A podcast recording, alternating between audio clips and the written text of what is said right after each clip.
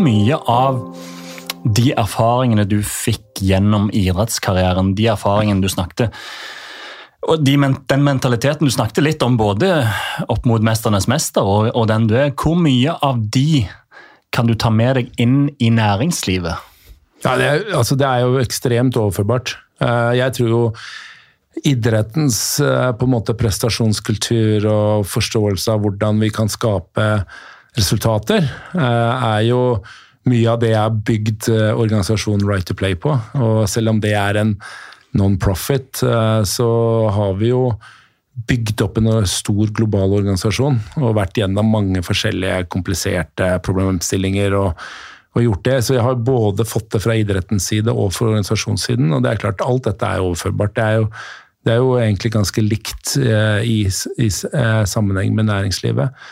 Og så er det jo det at hvis du skal jobbe og suksess, ha suksess i næringslivet, så må du ha spesialkunnskap om det en skal drive med. Og, det, og da må en ha læringsvillighet og evne, og det er jo også en utrolig viktig bit som jeg jobber med, å prøve å lære nye ting. Og det er jo fantastisk morsomt å, når du jobber med f.eks.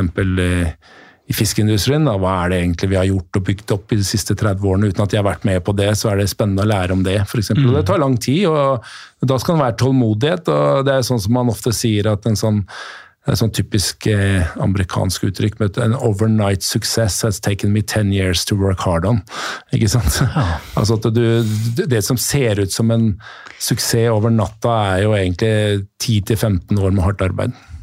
Det minner meg om eh, ja, det kan jo minne meg om deg, men det, kan, det minner meg veldig konkret om Christian Blumenfeldt. Ja, som jobbet i ti år ja. med OL-gull i Tokyo som mål. 14 000 timer for å krysse målstreken den dagen.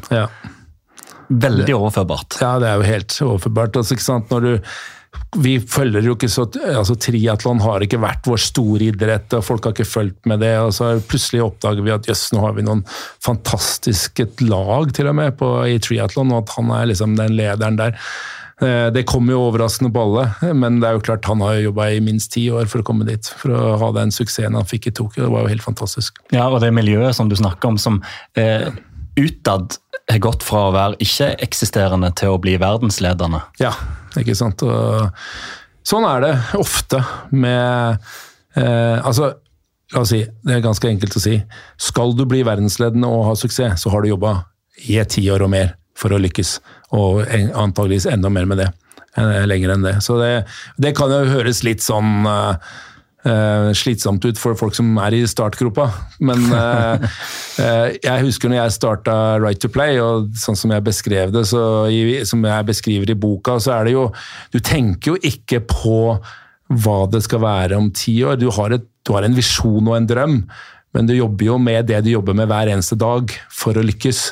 Og de oppgavene man har foran seg. og så får han jo masse motstand som han må overkomme, og det er jo i seg selv en utfordring og en, ofte en glede å jobbe med. og Samtidig så får han de positive tilbakemeldingene og opp, opplevelsen av mestring og suksess, eh, spesielt sammen med laget, eh, som er eh, det å lage et godt lag eh, for å kunne lykkes da, med de oppgavene, det tror jeg er liksom den raskeste og beste veien for å skape eh, For å møte en suksess over tid. Da.